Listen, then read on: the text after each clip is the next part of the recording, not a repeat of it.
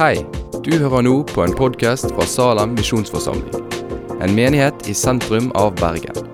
Vil du vite mer om oss eller komme i kontakt med oss, gå inn på salem.no. Herre Far, takk for at du er her. Uansett om vi kjenner det sånn eller ikke, og vi sitter her og kjenner at vi ikke har fått noen ting ut av lovsangen, eller om vi sitter her og kjenner at vi virkelig har fått møtt deg bare og fått tilbe deg allerede. Uansett om vi kjenner at du har vært med oss den siste uka, eller om, om du føles langt vekke, så er du her. Takk for at det er sant. Helligånd, jeg ber om at du går i benkeradene og gir hver enkelt av oss her inne særbehandling nå. Du ser hva vi trenger, og vi er totalt avhengig av at du brenner fast i våre hjerter det som hver og en trenger. Herre far. Det ber vi med ditt navn. Amen. I dag skulle egentlig vært siste eh, lørdagen vi ser på Filipperbrevet. Men eh, Filipperbrevet 4 Når jeg liksom satte opp, så tenkte jeg liksom at det bare avslutning og hilsen er ferdig. På en kveld, ingen problem. Og så begynte jeg å forberede meg, så tenkte jeg wow, her er det mye. Og Paulus snakker mye om penger. Og Jesus snakker enda mer om penger. Så tenkte jeg det kan vi ikke overse og bare nevne fem minutter slutt på en tale. Vi er nødt til å sette oss ned og forberede oss skikkelig og si noe bibelsk grunnleggende om det til Salomon. Og Derfor eh, så kommer det sånn nå De neste to lørdagene så er det tema satt allerede. Så jeg skal tale først om tre uker, og da tar vi en sånn revisit til Filipperbrevet helt på slutten av, eh, av, oktober. Så vi kommer til å være i Filipperbrevet 4, 1-9 i kveld. Og så får vi ta de siste 13 versene seinere. Men dagens tekst den starter med 'derfor'. Alltid når du leser 'derfor' i Bibelen, for menn og holdt på å si, alltid, sånne ord, så må du stoppe og se hvorfor. Eh, det peker tilbake på noe som Paulus har skrevet før, og i dette tilfellet kapittel 3. Og Der skriver Paulus eh, folkens, det fins dårlige eksempler å følge etter. Eh, det fins gode eksempler, og han sier faktisk jeg er et bra eksempel. Altså Ikke meg, men Paulus. Han skriver ikke om meg. Slapp av. Men Paulus sjøl er et bra eksempel. Eh, og han sier at hans eksempel er at han trodde han hadde funnet noe bra, men det viser seg at det var boss når han fant Jesus og fant troen. Han sier at Jesus er livet. Alt annet er verdiløst. Han bruker faktisk ordet møkk. Det er drit i forhold til Jesus. Vi er himmelborgere, sier han. Det er vårt mål. Vi skal til himmelen. Vi er annerledes. Og mens vi er her, så skal vi prøve å bli himmelborger. Vi skal være annerledes. Og Paulus er eksempelet, for alt annet var boss. Han, han kasta det vekk fra seg og sa Jesus er livet. Men så sa han også at det ikke alltid greier det. Men når jeg ikke greier det, så, så glemmer jeg det som ligger bak for tilgivelse. Og strekker meg etter det Jesus har foran meg i himmelen. Og så prøver jeg å bli lik som han har gjort klart for meg. Derfor skriver Paulus. Mine søsken som jeg elsker og lengter etter. Min glede og min seierskrans. Stå fast i Herren, mine kjære. Stå fast i Herren, fordi det er der verdien ligger. skriv. Altså det, er der, det er det som er verdt noe. Alt annet er boss. Stå fast i Herren. Det er Paulus sitt første vers til oss i kveld. Det som kommer videre, det er egentlig ganske rå, gode råd fra Paulus til oss om hvordan kan vi stå fast i Herren? Hvordan kan vi gjøre det? Hvis vi skal stå fast i Herren, hvordan skal vi da gjøre det? Hvis vi bare sier til en fyr 'stå fast i Herren', så bare ja, hva film betyr det? Og så er resten av kapittelet faktisk noe Paulus bretter ut og sier jo, sånn kan dere stå faste. Det handler om hvordan du kan modnes som en kristen. Hvordan du kan leve som en kristen for å stå fast og fastere. Hvordan du kan trekke røtter djupt ned i kristentroen og få næring til å bære frukt. Hvordan du kan være et tre som bærer frukt. Det handler om hvordan, hva holdninger du som kristen oppfordres til å bestemme deg for å ha. Sånn at du kan stå fast, at du kan vokse og modnes som kristen. Og Det er det Filipperbrevet skriver det om og om igjen. at Bak linjen så ser vi at det er målet for en kristen å vokse og bli mer lik Jesus. Og Når vi står fast, så gjør vi det. Men hvordan kan vi stå fast? Paulus lanserer tre ting i disse ni versene som vi skal ta i kveld, For det første, bestem deg for å søke det samme sinnelaget som andre troende. For det andre, bestem deg for å leve som om Bibelen er sann. Ja, Vi kan si Bibelen sann, men, men bestem deg for å leve som om det er sant. Og for det tredje, bestem deg for å rydde opp i tanker og holdninger og gjerninger. Vi begynner med det første. Bestem deg for å søke samme sinnelag som andre troende. Vi leser vers 2 og 3. Jeg formaner deg, Evodia, og deg som tykker, kom til enighet i Herren. Og jeg ber òg deg, du som med rette heter Synsegos, om å hjelpe disse to. For de har kjempa med meg for evangeliet, sammen med Clemens og mine medarbeidere. De som har navnet sine skrevet i livets bok. Her skriver Paulus om to ganske sentrale kvinner i menigheten. Og De har en krangel gående. Og Det, det er ikke pga. lære, det er ikke på grunn av teologi. for Da hadde Paulus vært knallhard og sagt hva som er rett. Men det kan virke som det er bare det at de kommer ikke overens. Det er ikke enhet mellom dem. For å si det på vårt språk, De tålte kanskje ikke trynet på hverandre. Men ordene Paulus bruker, de har han faktisk brukt før i brevet. Vi oversetter de med at vi skal eh, komme til enighet her. Men andre plasser så oversetter de med at de skal søke samme sinnelag. Og Paulus har brukt det før når vi snakker om kapittel 2. Eh, og Den gangen handla det om å ha det samme sinnelaget og sette andre mennesker foran seg sjøl, sånn som Jesus gjorde det. Og Det er samme Paulus sier her. Sett, sett, dere driver på og krangler. Sett hverandre foran dere sjøl. Skap enhet. Skap fred. Dere er kristne. Og så ber han om å hjelpe dem. En syns jeg også. Kan du bare hjelpe dem med dette? Fordi kristen enhet er så viktig at menigheten må hjelpe. Og Det innebærer å være villig til å bli korrigert. Til å sette seg ned og prøve å forstå hva er det du mener. Hvorfor, hvorfor liker vi ikke hverandre? Men kom til enighet i Herren, sier Paulus. Uttrykket 'i Herren' Gjennom hele brevet så det er en kilde. Eller det, det uttrykket 'i Herren' det, Når vi er i Herren, så blir vi kvalifisert til å gjøre noe som overrasker. Andre eksempler i brevet. Paulus er i fengsel fordi han forkynner evangeliet. Men i Herren Altså, den vanlige reaksjonen var at folk skulle gått og gjemme seg. kristne da, liksom, ok, jeg kommer aldri til å forsyne evangeliet. Men i Herren så forsyner de evangeliet. De gjør noe som er overraskende i forhold til det resten av verden ville valgt. Eller når Paulus sitter i fengsel, og en vanlig reaksjon ville sagt nei, jeg sitter her, så får vi se hvordan det går.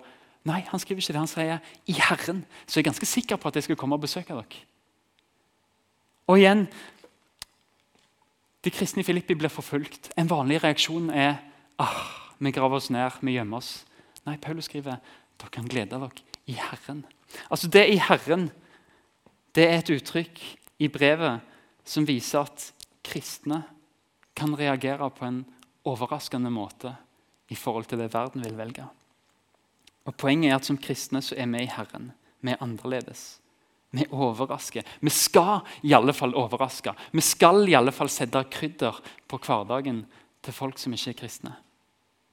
Gud er med og setter kurset. Det er en annen kurs.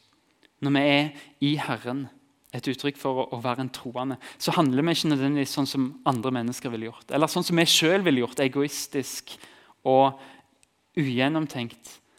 Men i Herren så får vi snu det og handle i omtenksomhet, i varme. Den som lever med Jesus som Herre, den utrustes til å vinne over omstendigheter som ødelegger relasjoner. Og Så sier Paulus ja, dere har en krangel gående, men, men i Herren så kan dere overraske. Og dere er søsken, og dere kan elske hverandre. Fordi i Herren så blir dere utrusta til å være annerledes. Jeg elsker Jeg, jeg, jeg driver på å lese eh, andre Mosebok jeg prøver hver dag å lese litt og skrive ned noen tanker og, og, be litt gjennom det som står. Og Her en dag så kom dette, og det, det, det, det er så fint eksempel på det han sier. liksom bare Kom til enighet i Herren. Eller, eller det at vi er forandra, at vi er annerledes. Når Moses skriver når du kommer over din fiendes okse eller esel, som har gått seg vill, så skal du bare ta det og ikke si noen ting, så går han glipp av det. Nei, du skal bringe dyret tilbake til fienden din. Og Når du ser din uvenns esel seine om under børa, så må du ikke gå din vei. Du skal hjelpe han. Ser du hvordan Guds folk tenker annerledes. Vi skaper fred. setter andre foran deg sjøl. Og Det gjentas hele tida. Jeg har sagt det utallige ganger gjennom denne serien. Sett andre foran deg sjøl, sånn som Jesus gjorde. Og Dette avsnittet viser, om de to jentene her, disse som krangler, det viser oss en, en veldig veldig viktig ting i Paulus' teologi.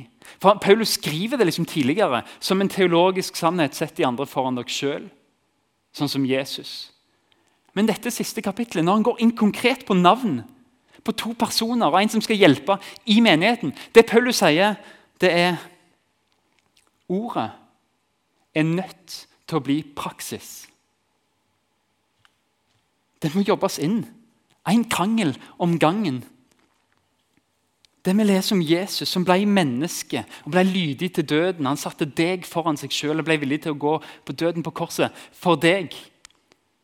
Det skal vise seg i ditt liv òg. Gud ble menneske og ble en tjener for deg. Og det skal synes i måten du er med andre mennesker på. Og Sånn er det med all teologi. Det du tenker om Gud, det må bli synlig i livet ditt. Jødene de har en tanke om at de har, de har teologi. som Rabbinere kommer med en læresetning. og Så kommer de til andre kollegaer med det, og så tester de det i praksis. Og Hvis ikke teologien holder i praksis, så sier de at dette var boss. Og Litt sånn er det Paulus sier òg. Hvis ikke vi greier å anvende det i livet, ja, så, så ser du på det som boss. For det er ikke viktig for deg. Men det er nødt til å få synes i livet ditt. Det var ene. Bestem deg for å, altså Hvis vi skal stå fast i Herren, så bestem deg for å søke samme sinnelag som de andre troende. Det er en måte å stå fast på som kristen. For det andre, bestem deg for å leve som om Bibelen er sann. Vi leser fra vers 4-7. Gled dere i Herren alltid. Igjen vil jeg si gled dere. La alle mennesker få merke at dere er vennlige. Herren er nær. Vær ikke bekymret for noe, men legg alt dere har på hjertet framfor Gud. Be og kall på ham med takk. Og Guds fred, som overgår all forstand, skal bevare deres hjerter og tanker i Kristus Jesus. Hva mener jeg med å leve som om Bibelen er sann? Det har jeg tenkt ekstremt mye på det siste halve året. fordi det er på en måte, Når jeg leser Bibelen, så er det som om Gud hele tida spør meg Kristian, lever du som om dette er sant. Du sier det er sant, men lever du som om det er sant? For jeg tror Hvis vi lever som om Bibelen er sann, hvis Bibelen er sann, så, så, så vil det påvirke alt vi gjør. Det vil påvirke måten vi lever på, hvis vi tror at det er sant. For det første glede. Dette brevet er skrevet for fengsel. Men filipperne visste at Paulus kunne det å glede seg i motgang. Når han kom til Filippi, så ble han arrestert fordi han forkynte evangeliet. Reaksjonen hans var å lovsynge Gud i fengselet. Paulus visste at som kristen som alltid vi kan alltid glede oss. Og Det handler ikke om en sånn påklistra glede. Det snakket Åse om sist lørdag på en veldig fin måte. i Filipperbrevet 3. Men det handler ikke om en sånn påklistra glede, men en grunnleggende visshet at uansett hva som skjer i livet mitt, så har jeg en far og en bror som har gitt meg evig liv, som ser rundt neste sving, og som vil meg det beste. Og Når vi forstår det kristne budskapet, så er glede en naturlig respons, en grunnleggende glede. Og Gud er ærlig om at det finnes det fins gjørme, det fins fordervelsens grav her på jord. Men han kan gi glede midt inni det. Jeg venta og jeg håpte på Herren. Han bøyde seg til meg og hørte mine rop. Han dro meg opp fra fordervelsens grav, opp av den dype gjørmen. Han satte mine føtter på fjellet og gjorde skrittene mine faste. Han la en ny sang i min munn, en lovsang til vår Gud. Mange skal se det og frykte og sette sin lit til Herren. Gleden Paulus skriver om, igjen, den skjer i Herren. Det er grunnlaget for gleden, at vi er i Herren. Et bibelsk uttrykk for at vi tror. Gleden kan vi vise på mange måter. Vi kan vise den i sang, vi kan vise den i gledestårer. Vi kan vise den med stillhet, at vi bare blir stille og beundrer. Vi kan vise den i sånn indre fryd, at det bobler over inni. Eller vi kan juble ut. Men det er totalt irrelevant hvordan du viser glede. Det som er relevant, det som er viktig, er at det skjer i Herren. Det er der gleden din er. At grunnlaget for gleden er ikke hvordan du har det, eller hvilke omstendigheter du er i, men, men at, at, du er i Herren. Nehemia skriver det er deres styrke. Gleden i Herren er deres styrke. Det vil si, når vi er svake, så har vi en grunn til å være sterk, til å, til å tenke at nei, jeg har, jeg har så mye i Gud. Og så sier Nehemia at det er styrken deres. Jeg har lyst til å vise dere en ting som, som har vært veldig til hjelp for meg. For hvis du tenker at livet går opp og ned du tenker du har dager, På denne grafen så har du dager i uka bortover mot her. Og så har du liksom hvor glad eller frelst du føler deg. da. Og For å være helt ærlig så, så ser det av og til sånn ut. Følelsene mine Det kan godt være at jeg starter søndag, som er første dag i uka. det vet vi alle, eh, Og tenker liksom at yes, fikk høre en god tale på søndag. Det pleier alltid å være god tale på søndag. Kom. Eh, og så skjer det ting i uka som bare ah, Fikser kristenlivet, eller ah, Dette var mye ah, jeg er så elendig kristen, eller, eller, hva som helst. Om det er følelser, om det er frykt, eller hva som helst. Legg i den grafen der. Men sannheten er at det skaper ikke så mye glede hvis vi baserer det på oss sjøl. Men i Herren er ordet. For Hvis vi ser i Bibelen hva vi er i Herren, i troen, så er vi Guds barn. Vi, er, vi slipper å frykte oss fordi vi har en Gud som er større enn våre problemer. Vi har evig liv. Uansett hvordan jeg føler det, så sier Bibelen sånn. Og det er sannhet som er like viktig og viktigere enn hvordan jeg har det. Mine følelser kan si noe om hvordan jeg har det her og nå, men de kan ikke si noen ting om at jeg er frelst. Den grafen har fått vært til hjelp for meg, i alle fall. Og Ta den gjerne med og bruk den, men glede det er den tingen som skjer når vi lever som om Bibelen er sant. Som om det er sant at vi, vi har den frelsen uansett hvordan vi føler oss. Det andre er at vi, altså Glede den ene tingen som skjer når vi lever som om Bibelen er sant. Det andre er at vi anerkjenner at Herren er nær. Og Det igjen gjør at vi, vi er vennlige mot andre. Og det ordet vennlighet la, la, la, mennesker få merke at dere er vennlige. Det er brukt om en godhet i en situasjon der den forventa reaksjonen er hevn. Altså det Paulus sier at Dere er i en situasjon der alle tror at dere skal hevne dere på mennesker, men de skal få merke at dere er gode og vennlige. Fordi når vi leser Bibelen, når vi lever som om den er sann, så kan vi møte mennesker med vennlighet og ikke hevn. Fordi vi vet at Gud eier hevnen. Det er han som skal ta det. Og så er det vår oppgave å elske. Problemet med vår menneskelige natur det er at, at vi elsker ikke. Vi elsker oss sjøl, og vi søker sjølhevdelse. Og til og med våre beste gjerninger kan det være at jeg gjør fordi at jeg ønsker å se bra ut. Jeg ønsker å hevne meg sjøl. Så gjør jeg noe som anser som en god gjerning, men jeg gjør det egentlig fordi at jeg vil se bra ut.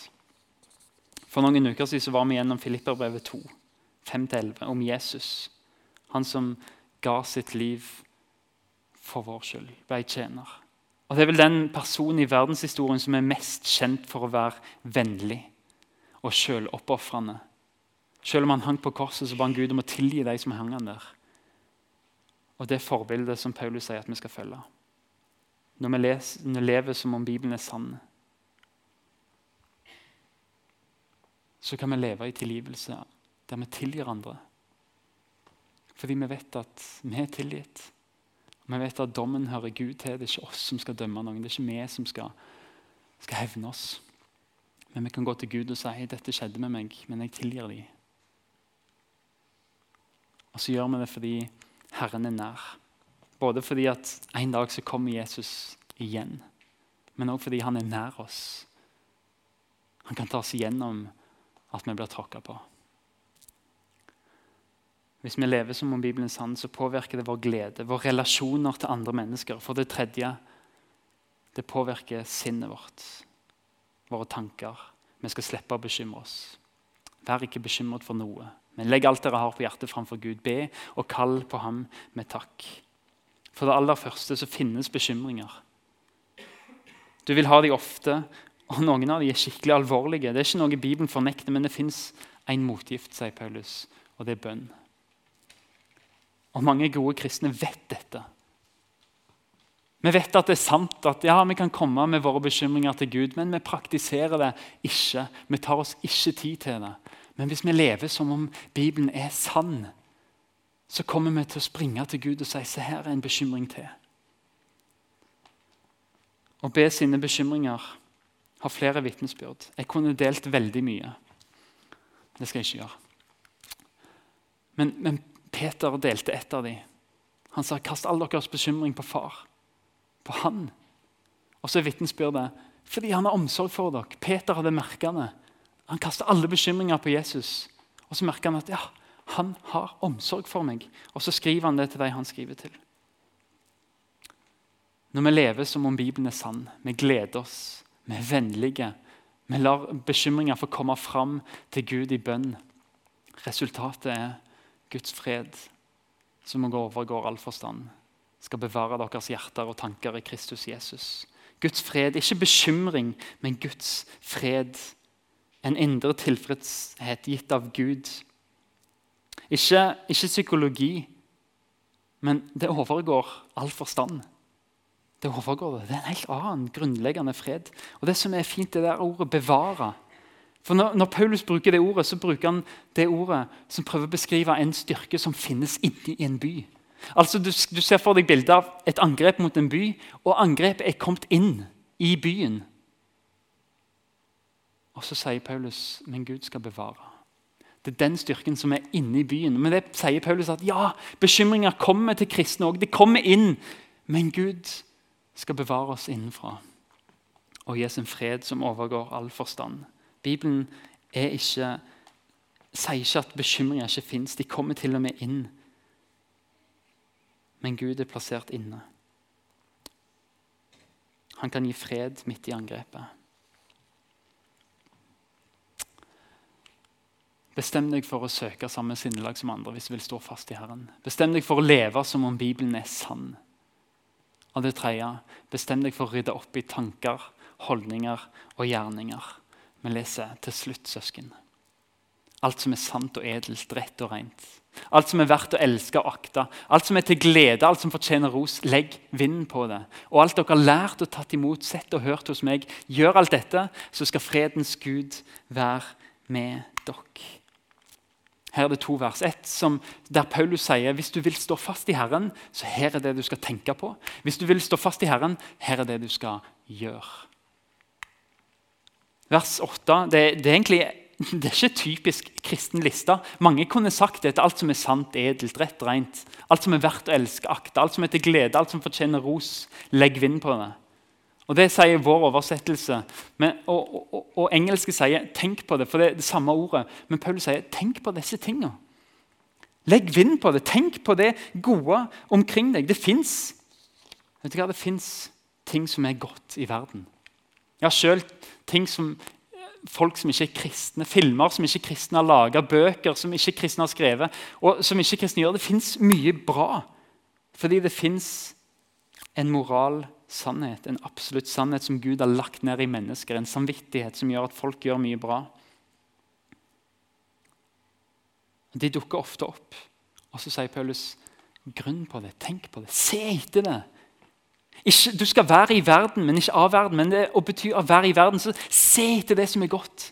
Etter det Gud har lagt ned i mennesker. Tenk på det, grunn på det. La det få lov til å være med og sette preg på tankene dine. Se Gud i det som er godt. Men kristne gjør ofte det som er motsatt. Fordi vi mangler veiledning. Og Jeg skal være litt konkret. Og Noen av dere tenker at jeg er kjip nå. Men jeg vil si at i lang, lang tid og Jeg har ikke sagt det før, men jeg har bedt for hver enkelt av de som går i Salem, om åndelig modning, åndelig vekst. At Gud skal ta deg, akkurat deg, og modne deg, at du får bære mer frykt. Det betyr at han må beskjære noen ting. Og Vi er på forskjellige steder i vandringen med Jesus. Noen har en form av samvittighet som er nær til Bibelen fordi de har brukt mye tid der, mens andre er kanskje på starten av veien. Og Kanskje den teksten er en mulighet for å si noe som kan hjelpe deg i vekstprosessen. Vi tenker veldig ofte på det motsatte av det Paulus sier her. Spesielt med unge. Prøv å tenke på det motsatte. Det er veldig enkelt. Det faller meg helt naturlig. Og samtidig så er det veldig ekkelt. Fordi det er ikke den jeg vil være. Tenk på alt som er sant, sier Paulus. Ja, men Det er så utrolig lett å tenke på løgn. Det er så lett å tenke at jeg ikke er verdt noen ting. Når sannheten er at Gud har skapt deg, og i hans bilde at han elsker deg, at du er endelig verdifull, så lar du løgnen få komme inn. At vi tenker Nei, Gud kanskje har skapt en moralsk sannhet eller en, en moral som vi skal leve etter. Vi er jo fri, vi kan bare leve som vi vil. Og så lever Vi etter den løgnen. Vi tenker på den løgnen i stedet for at Gud har gitt oss en åpenbaring av hvem han er og hvordan han er, og at han vil at vi skal være lik han. Tenk på det som er edelt, rett og rent, sier Paulus. Men det er så mye lettere å tenke på det som er rått, det som er råttent, det som er ureint. Det er bare å trykke play på playlista di. Så har du sanger der jenter blir omtalt som horer. Der ord som ikke skal nevnes, går rett inn i øret ditt og får prege tanken din. Det er så nærme, det er så lett å tenke motsatt av det Paulus sier. Det å se en film og tenke ja, det er bare film, det er bare underholdning. Og så er det grov misbruk av andre mennesker som fremstilles på den filmen. Som brenner seg inn på netthinna di, og som gjør noe med tankene dine. Ikke tro at det du ser og hører, ikke får påvirke deg, for det gjør det. Det gjør noe med deg. Alt som er verdt å elske og akte. Tenk på det, sier Paulus. Mens vi legger vekt på ting som er absolutt ikke verdt å akte. Absolutt ikke er verdt å elske. Om det er bøker, om det er magasiner, om det er filmer, musikk. Det fins så mye boss. Paulus sier 'leit etter det'. Det trenger ikke være kristen, men leit etter det som er edelt, rett og godt. Hvorfor fyller vi oss med det andre? Hvorfor lar vi det få lov til å påvirke oss? Det er boss. Ikke la det påvirke deg. Jeg kjøpte en gang jeg, jeg var i en periode der jeg likte veldig godt krim. og Jeg hørte veldig mye bra om en serie som heter Millennium av Stig Larsson. Jeg leste første boka og tenkte ja, ja. Det var ok historie, men det var forferdelig. Det var, boss. Det som blir framstilt og beskrevet i detalj. Jeg begynte på andre boka før jeg bestemte meg for at disse tre bøkene kosta meg nesten 1000 kroner. De skal rett i bosset. Ikke en eneste skal få lov til å låne dem av meg eller lese dem. Det gjør noe med meg. Og Det kan høres ut som jeg er sykt konservativ, men fordi jeg vet at Bibelen oppfordrer til å legge vekt på det andre som er godt, som styrte min samvittighet til å si at det går i bosset. Ingen skal få det. Ikke gjenbruk, ingenting. Det går rett i bosset, for det er, det er møkk, sånn som Paulus sier. I forhold, I forhold til det gode Gud har skapt i verden, som finnes av kunst og litteratur, av sanger, så skal vi velge det som er søppel.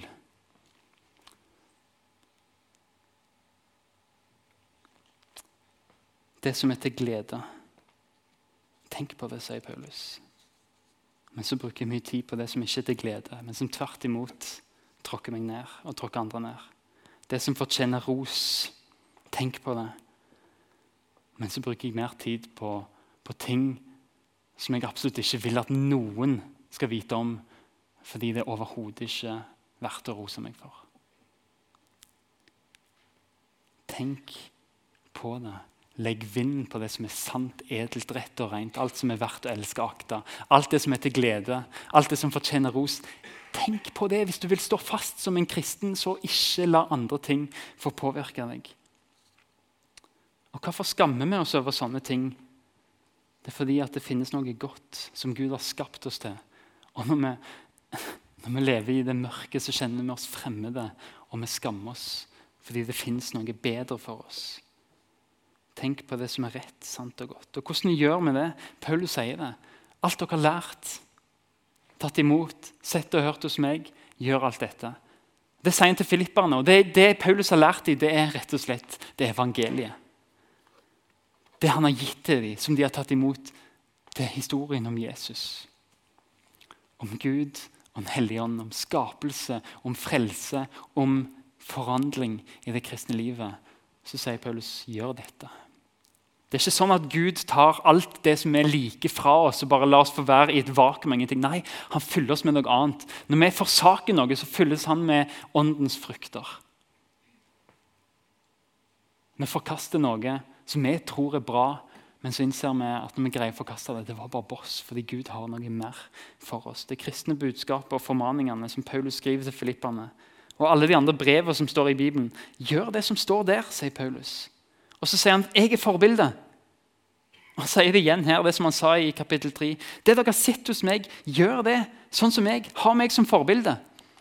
Og hans forbilde, Det som før var en vinning for meg, det regner jeg som, for Kristi skyld som tap. Ja, Jeg regner det som tap fordi det å kjenne Kristus, min Herre, er så mye mer verdt. For hans skyld har jeg tapt alt, og alt jeg har tapt, det regner jeg som verdiløst drit. Bare jeg kan vinne Kristus og bli funnet i Han. Ikke med min egen rettferdighet, den som loven gir, men med den rettferdighet jeg får ved troen på Kristus. Og så vet vi Amen, Kristian, det får vi ikke alltid til. Og det sier Paulus òg. Nei, jeg mener ikke at jeg alt har nådd dette.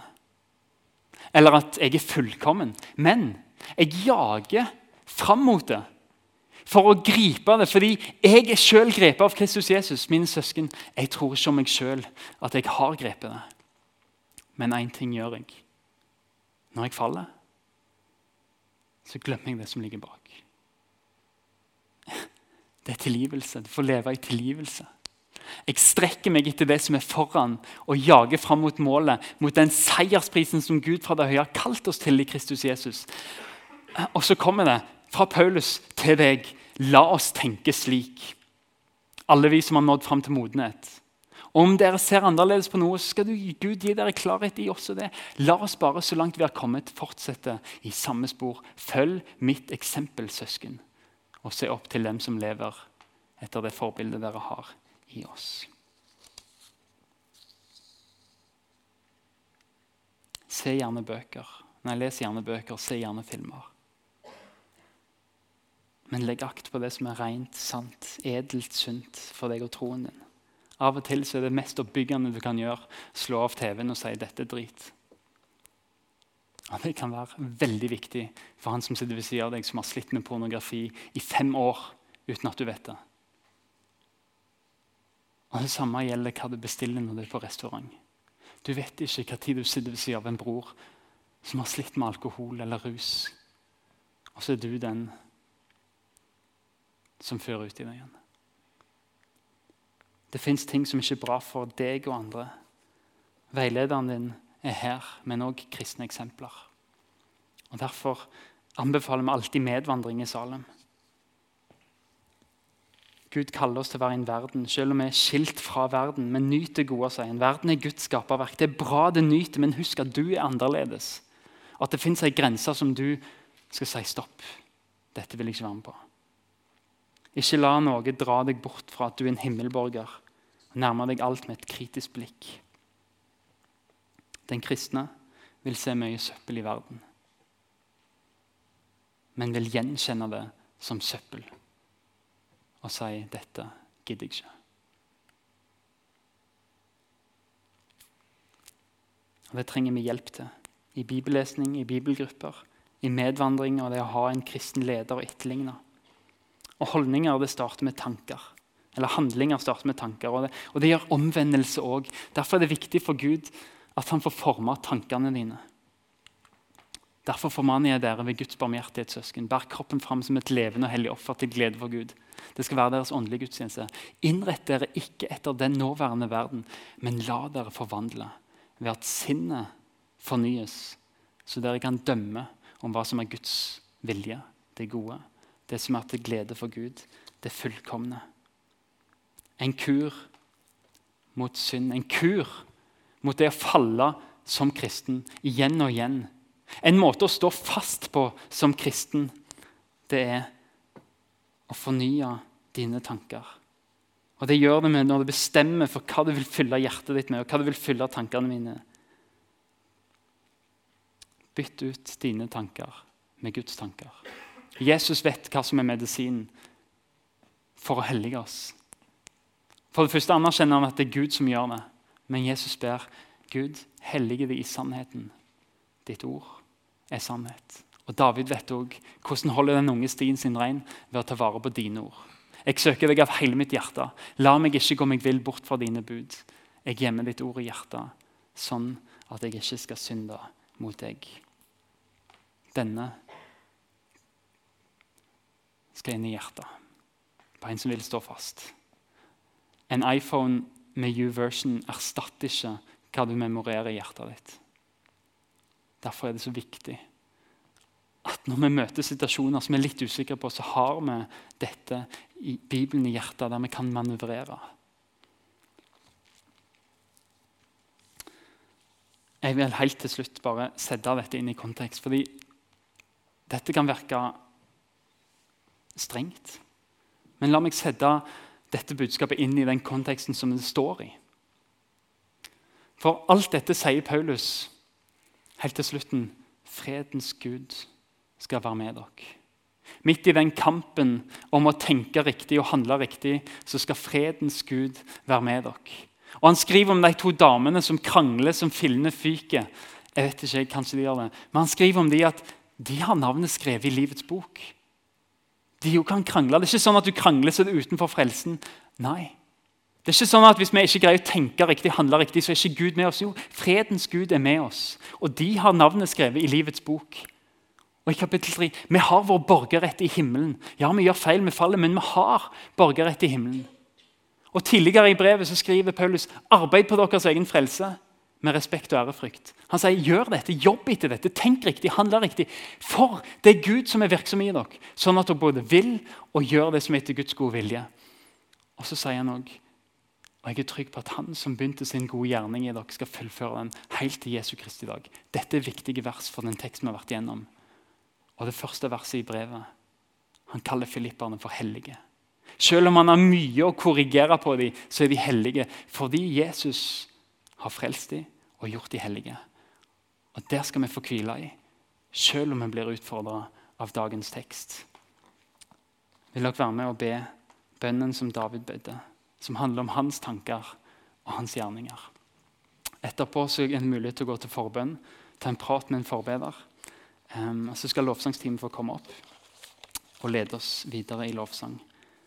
Men vi ber sammen. Ransak meg, Gud, og kjenn mitt hjerte. Prøv meg og kjenn mine tanker. Se om jeg følger avguders vei, og led meg inn på evighetens vei.